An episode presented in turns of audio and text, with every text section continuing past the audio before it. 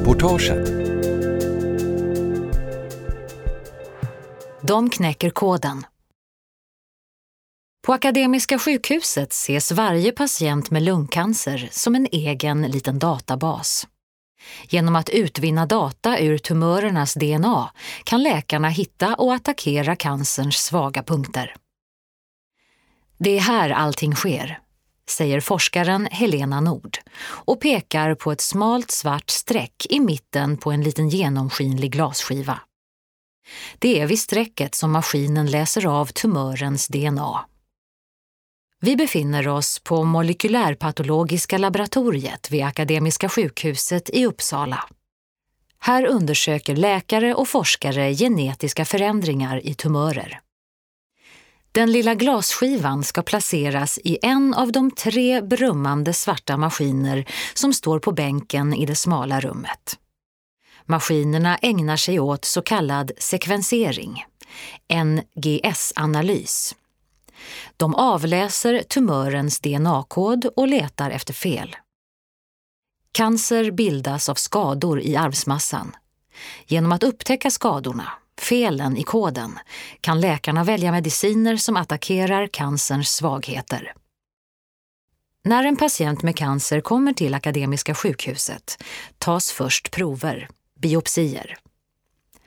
Johan Botling är överläkare vid Akademiska sjukhuset och forskare vid institutionen för immunologi, genetik och patologi vid Uppsala universitet.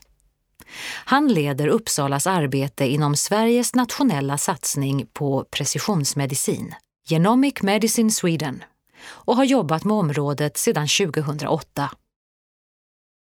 Han visar in i ett litet rum där det står en papplåda med smala glasskivor på bänken.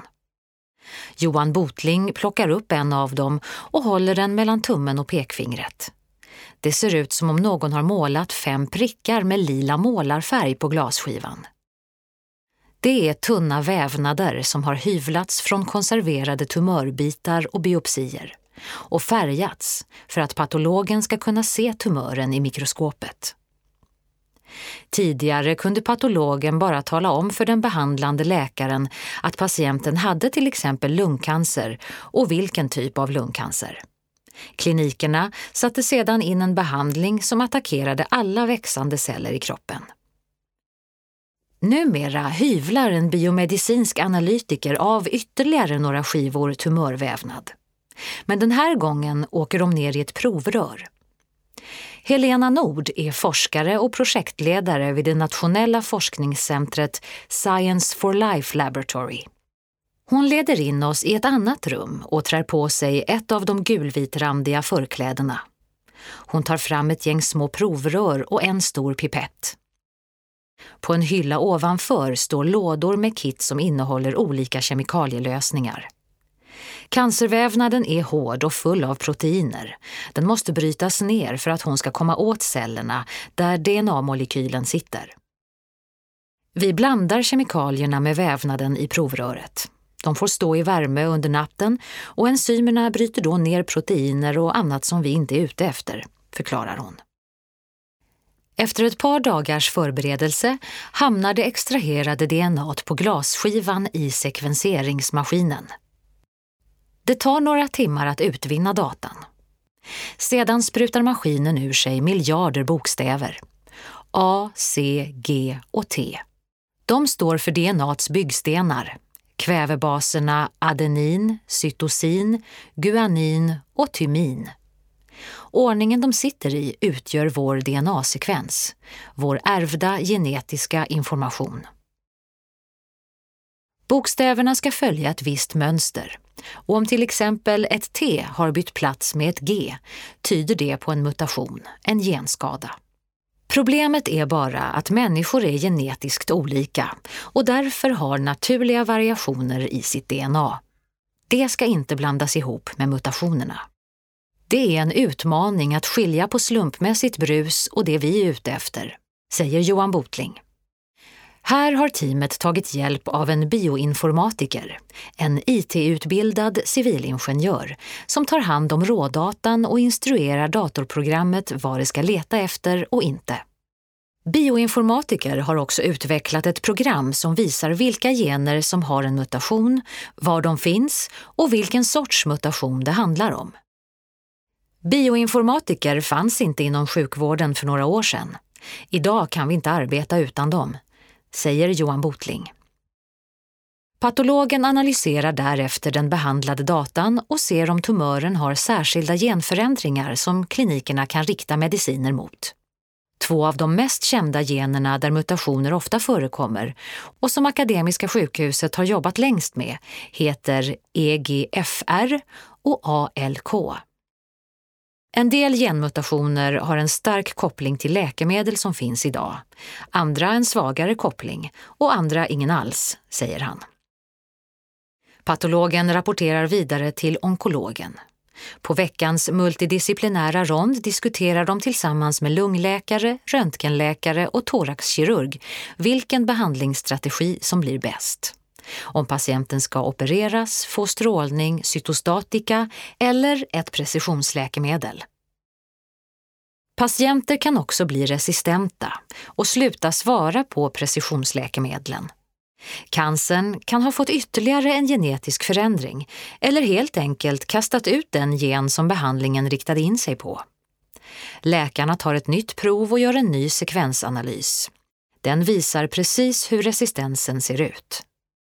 En del precisionsläkemedel finns i flera generationer och patienten kan hoppa på version 2 eller till och med 3.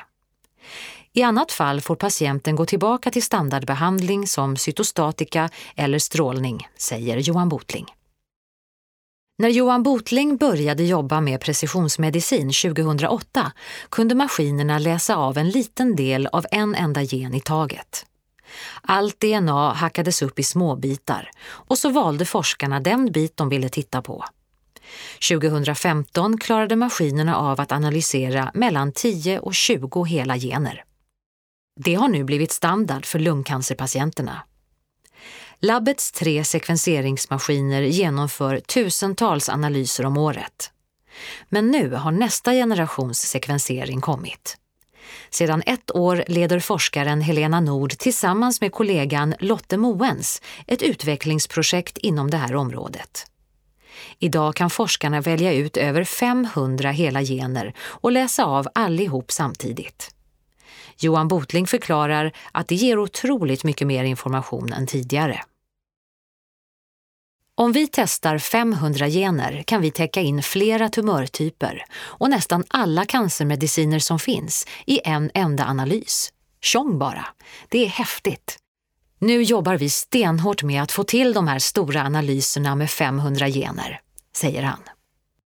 I utvecklingsprojektet ingår 50 lungcancrar från gamla patientprover och från varje tumör sekvenseras 550 gener. Den stora frågan nu är hur teamet på ett bra och säkert sätt ska analysera de enorma mängder data som genereras. Nu för tiden går varje patient runt som en egen liten databas. Vi jämför med tumörprover där vi redan vet vilka mutationer patienterna har. Vi ska åtminstone kunna plocka upp det vi vet idag och inte missa någonting, säger Johan Botling. Onkologerna står på tå och frågar honom varje vecka när metoden blir tillgänglig i vården. De får svaret att det förhoppningsvis sker i början av 2019, i alla fall i liten skala. Det som är begränsande, förklarar Johan Botling, är att det bara finns mellan 10 och 20 precisionsläkemedel idag. Men många nya står i kö för att bli godkända. Snart finns det 100 läkemedel och då har vi förhoppningsvis redan diagnostiken på plats. Nyttan av den stora analysen vi sätter upp nu kommer under de närmaste åren. Det finns också olika typer av mönster i hur en cancer förändras. De kan utläsas i de stora analyserna, men inte i de små.